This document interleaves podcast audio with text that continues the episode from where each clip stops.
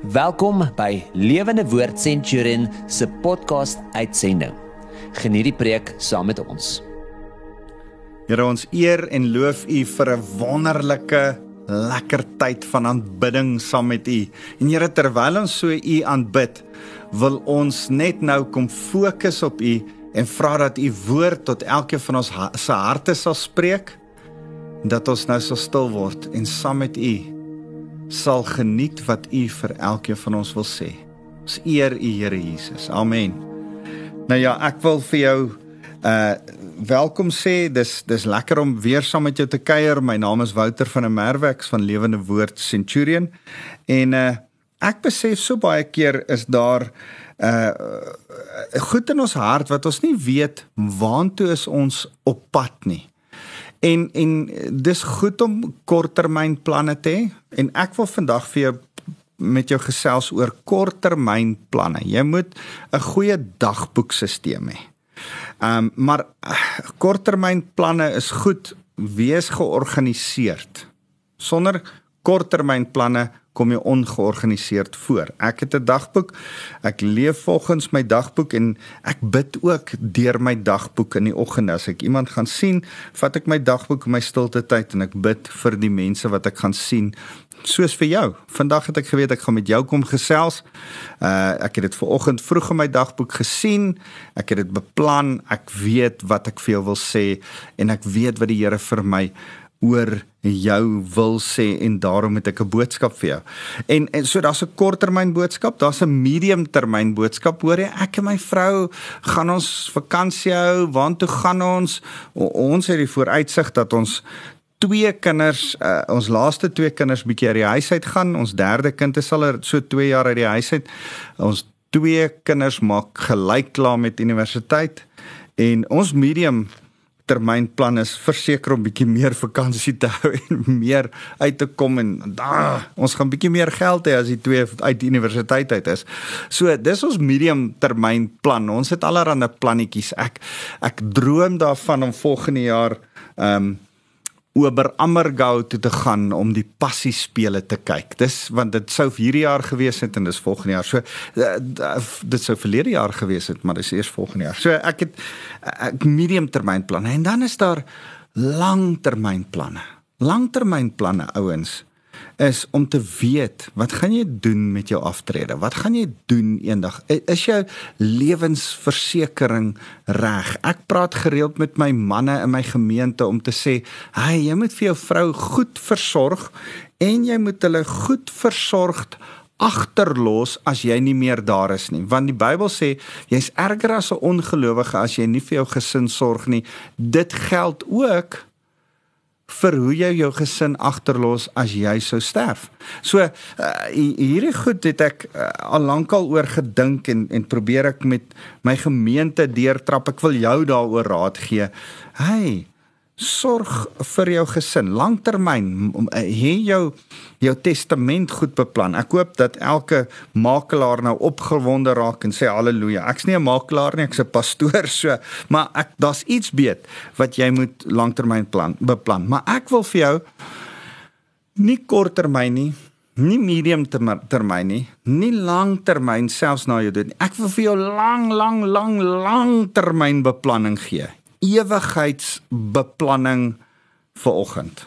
Kan ons oor dit praat? Daar's 'n skrif wat sê dat aan die einde van die tyd alles gaan herstel. So 3-4 keer in die skrif in Matteus 19 dan praat hy daarvan, maar ek wil vir julle die gedeelte lees in in Handelinge uh hoofstuk 3 vers 21 as hy sê uh hy moet in die hemel bly, hy praat van Jesus. Hy sê Jesus moet in die hemel bly totdat die tyd aangebreek het wanneer God alles nuut maak soos God dit lank gelede deur sy heilige profete beloof het. So hier's drie goed.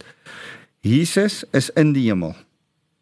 Hy moet in die hemel bly, maar hy gaan nie vir ewig in die hemel bly nie. Daar's 'n totdat hy gaan kom aarde toe en dan gaan hy alles nuut maak. Hy gaan alles herinstel.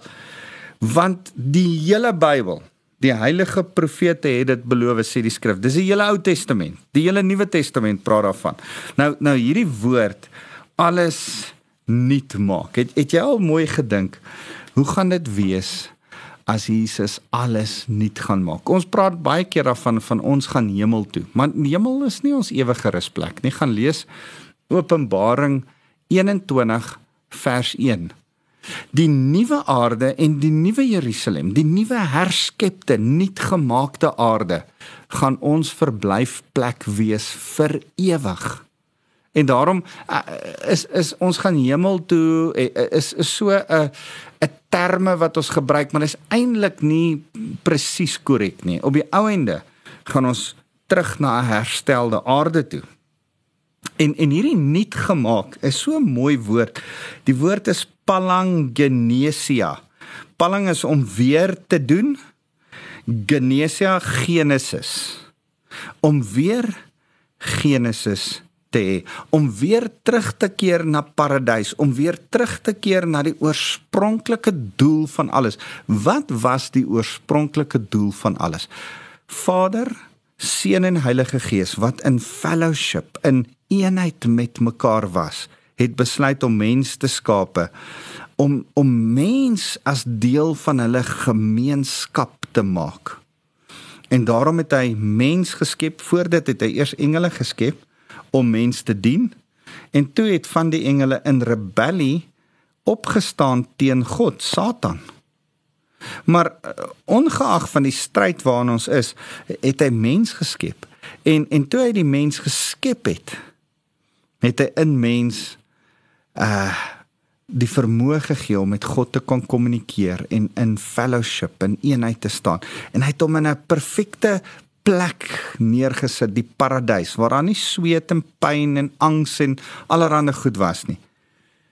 En toe kom die sondeval en die stryd teen Satan Maar aan die einde van die tyd, as alles gesê en gedoen is en die kruisiging en die wederopstanding en die oordeel en alles is verby en die Here het die aarde en die hemel weer nuut gemaak, Jesus het weer gekom, dan gaan ek en jy saam met hom in 'n heropgestelde aarde leef. En en en in 'n manier praat Paulus daarvan as hy in een van my geliefkoeste hoofstukke 1 Korintiërs 13 skryf oor die liefde. Hy beskryf die liefde nou ek ek raak altyd so bietjie ongeduldig as ek hierdie stuk hoor en iemand dink dit gaan oor romantiese liefde. Nee nee. Dit gaan oor baie meer as 'n romantiese liefde. Hierdie is 'n selfopofferende liefde. Dis 'n liefde wat 'n goddelike liefde is. Dis 'n liefde hier wat beskryf word wat ons op 'n bonatuurlike manier vir mense moet hê.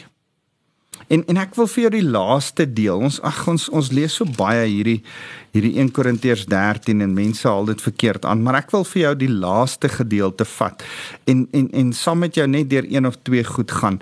Hy sê toe ek nog klein was, het ek gepraat soos 'n kind en gedink soos 'n kind en geredeneer soos 'n kind. Daar's 'n naïwiteit wat ons het in ons godsdiens in ons verhouding met die Here in die manier hoe ons die Bybel interpreteer en die manier hoe ons na alles in die omgewing om ons kyk selfs die politiek en alles. En die Here wil ons nie los by die dinge van 'n kind nie. Hy sê maar nou dat ek volwasse is het ek die dinge van 'n kind ontgroei. Jy en ek weet ons kan nie by die dinge van 'n kind bly nie. Ek wens ons kan kinders bly vir ewig Maar die Here het ons nie so gemaak nie. Hy wil hê ons moet tot volwassenheid kom. Ons moet groot word. Ons moet kom op om te sê, man, ons is manne of vroue van God wat nou groot geword het. Wat volwasse dink en in 'n volwasse manier met die wêreld omgaan rondom ons. Dis belangrik. Dis wat die Here ons wil hê. Dis wat Paulus hier ook vir die gemeente van Korinte sê. Hy, jy kan nie kinderagtig wees in alles wat jy dink en redeneer en doen nie. Nou sê hy vers 12. Nou sien ons dinge nog net vaag weg, soos in 'n dowwe spieël, maar eendag sal alles vir ons glashelder wees. Nou verstaan ek net ten dele, maar eendag sal ek ten volle verstaan, net soos God my nou ten volle verstaan. So hy hy sê ek al, al is ek volwasse. Al was daar 'n naïwiteit wat my seker goed nie laat raak sien het nie. En nou word ek volwasse en ek verstaan goed in 'n rasionele, logiese sin en ek het 'n uh, aardse kennis en ek kan die woord bestudeer. Nogtans is dit asof dit 'n uh, ek vir myself in 'n dowwe spieël kyk. Is dit asof ek nie heeltemal die volle prentjie kan raak sien nie. Is asof ek nog nie glashelder sê hy alles snap wat die Here gedoen het met my doen nou en nog gaan doen in die ewigheid nie. Het jy al ooit gedink hoe lank gaan die ewigheid wees? Hy sê Nou verstaan ek net ten dele, maar eendag sal ek ten volle verstaan. Ek en jy gaan nie net kennis hê nie, maar 'n verstaan, 'n diep intieme weet van waar ons met God staan as ons in eenheid met hom is, 'n herstelde liggaam, siel en gees. Hy sê net soos God my nou ten volle verstaan. Is dit nie wonderlik dat die Here die die Here het nie 'n halwe prentjie nie. Hy het die volle prentjie. Hy weet wie hy was, wie hy is en wie hy gaan wees. Hy weet waar hoekom het hy jou geskape? Hy weet waar jy op die oomblik staan. Hy weet deur die probleme waardeur jy nou gaan. Hy weet die goed waarmee jy sukkel. Hy ken jou deur. Hy verstaan jou ten volle. Is dit nie 'n wonderlike skrif nie? Ek is bemoedig deur die feit dat die Here sê Hy verstaan my. En jy moet weet, hy verstaan jou. En en dis dalk hoekom Paulus die volgende sê. Hy sê al wat altyd sal bly is geloof, hoop en liefde. Hierdie 3, maar die grootste hiervan is die liefde. Nou nou kan ek net gou vir jou sê, geloof praat Paulus daarvan dan sê hy Geloof is om dinge te sien wat nog nie is nie. Hebreë, ekskuus nie Paulus nie, die skrywer van Hebreërs sê geloof is is om dinge te sien wat nog nie daar is nie asof dit reeds daar is. Hebreërs 11 vers 1. Dan sê hy in dieselfde hoofstuk verder net in vers 6 dan sê hy dis onmoontlik om God tevrede te kan stel. Is onmoontlik in 'n om om God te kan behaag sê die ou die, uh, ou vertaling. Is is onmoontlik om God tevrede te stel sonder geloof. God se guns wen ons nie sonder geloof nie. Geloof vir my is verhouding met die Here. Al kan jy hom nie sien nie, het jy 'n verhouding met hom. Geloof is om te sien al is iets nog nie daar fisies in praktyk nie. Ons ekskuus tog ons in Afrikaans het 'n het 'n sê ding sien is glo. Maar maar dis juis nie hoe geloof werk nie. As ons mense is wat God se liefde verstaan, is ons eintlik mense wat vir mekaar sê glo is sien. Ek moet eers glo en dan begin ek goed sien. Dis dis wat geloof is en dis hoekom hy sê al wat oorbly. Ek en jy moet glo. Ons moet weet ons staan in 'n verhouding met 'n lewende God. Daar's hoop, hoop vir my.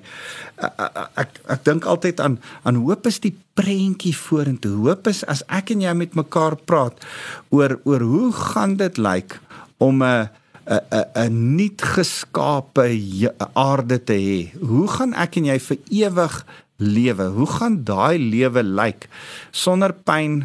Uh wat gaan ons doen? Ons gaan werk. Dis so interessant vir my dat daar nie 'n verskil in in die Hebreëse uh, woorde is tussen aanbid en werk nie. Dieselfde woord wat vir aanbid gebruik word, word ook vir werk gebruik. Dis die Hebreëse woord avat. Avat is werk en aanbid. Uh, uh, uh, ons sê jy moet die Here dien. Okay, beteken dien ek moet sing vir hom of ek moet werk vir hom? Ek moet fisies my werk doen. Nee, albei. Albei is korrek.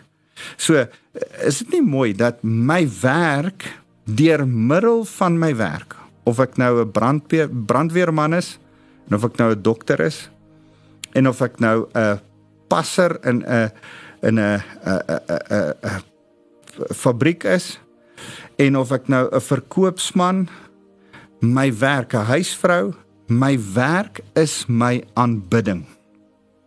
En en ek dink dis waar die verwarring ingekom het waar mense sê uh, ons gaan die Here aanbid in die hemel. En dan dink ons uh die die wêreld het dink ons gaan op 'n wolkie sit en harp speel. Dis die prentjies wat die mense teken. Nee nee nee. My aanbidding gaan juis my werk wees. Onthou, werk was nie 'n vloek in die in die paradys nie.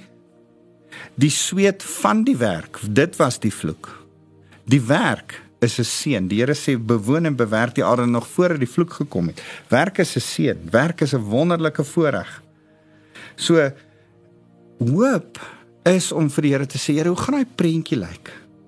Here, my hoop is Here dat U my help deur my korttermyn doelwitte van my dag, my dagboek. Here my my middeltermyn doelwitte, my hoop, die prentjie wat ek skilder. Here die goed wat ek sien voor my. Langtermyn, Here, ek het sekere doelwitte waartoe ek werk. Here, mag ek hoop op dit. Here, my lang lang langtermyn doelwitte is in U En dis my hoop. Dis wat ek vandag by jou wil vasmaak. Nou nou hoop is die prentjie wat jy sien, geloof is die pad wat jy vat om by daai prentjie uit te kom. Is om te sê, Here, ek weet U vat my soontoe. Maar dit help ons net mooi niks as ons dit nie saam met ander mense en saam met die Here doen nie. Dis hoekom ons liefde nodig het. Liefde laat jou hierdie geloof, hierdie pad wat jy vat na die prentjie waartoe ons gaan liefde, laat ons dit geniet. Laat ons dit ten volle enjoy. Sonder liefde, sonder ware liefde en om die plek van liefde in ons lewe uit te sorteer, te ontdek, te, te bemeester. Sonder liefde gaan ons nooit die volle prentjie by uitkom nie. En daarom sê hy geloof, hoop en liefde bly. Van hierdie is die grootste liefde. Ek en jy het liefde nodig want ons het mense rondom ons. Daar's ander mense vir wie ons moet lief wees. Daar's God vir wie ons moet lief wees. En daarom wil ek jou aanmoedig, wees 'n mens van liefde. Mag jy hy eindig vers 14 van die volgende hoofstuk. Hy sê maar laat alles in goeie styl en ordelik plaasvind. Mag ons lewe orde hê, of dit nou jou dagboek is of jou beplanning of jou lang langtermyn beplanning maar mag jou lewe orde hê op grond van liefde. Kom ons bid saam. Here, dankie dat geloof, hoop en liefde deel van ons volwassenheid is. En al sien ons nou in 'n dowwe spieël, als alweer ken ons sien ons nie die hele prentjie nie. Loop ons met die hoop dat ons die hele prentjie gaan sien. Ons stap in geloof uit asof dit nie daar is nie. Al sien ons nie die prentjie nie. Hou ons vorentoe beer na hierdie prentjie, Here, want ons het U lief en ons het ander mense om ons lief. En daarom, Here, werk ons aan ons lewe om by hierdie prentjie uit te kom en lief te wees vir mense. Here, ons eer U. Dankie dat geloof, hoop en liefde drie rotse is in ons lewe waarop ons bly staan. Want ons besef, ons geloof is in Jesus. Ons hoop is in sy wederop wederkoms en nuut maak van alle dinge. Dankie dat U ons red en nog sal red. En Here, ons liefde is vir Christus. Ons het U lief met alles binne in ons. Here, daarom kom seën ek nou elkeen wat na my luister, mag hulle Vader God se liefde beleef. Mag hulle Jesus se teenwoordigheid beleef sodat hulle geloof, hoop en liefde in hom kan hê en mag hulle die Heilige Gees as hulle deel hê om die dowwe prentjie al hoe duideliker en duideliker in hulle lewe vir hulle te maak. Ons eer U Here Jesus. Amen.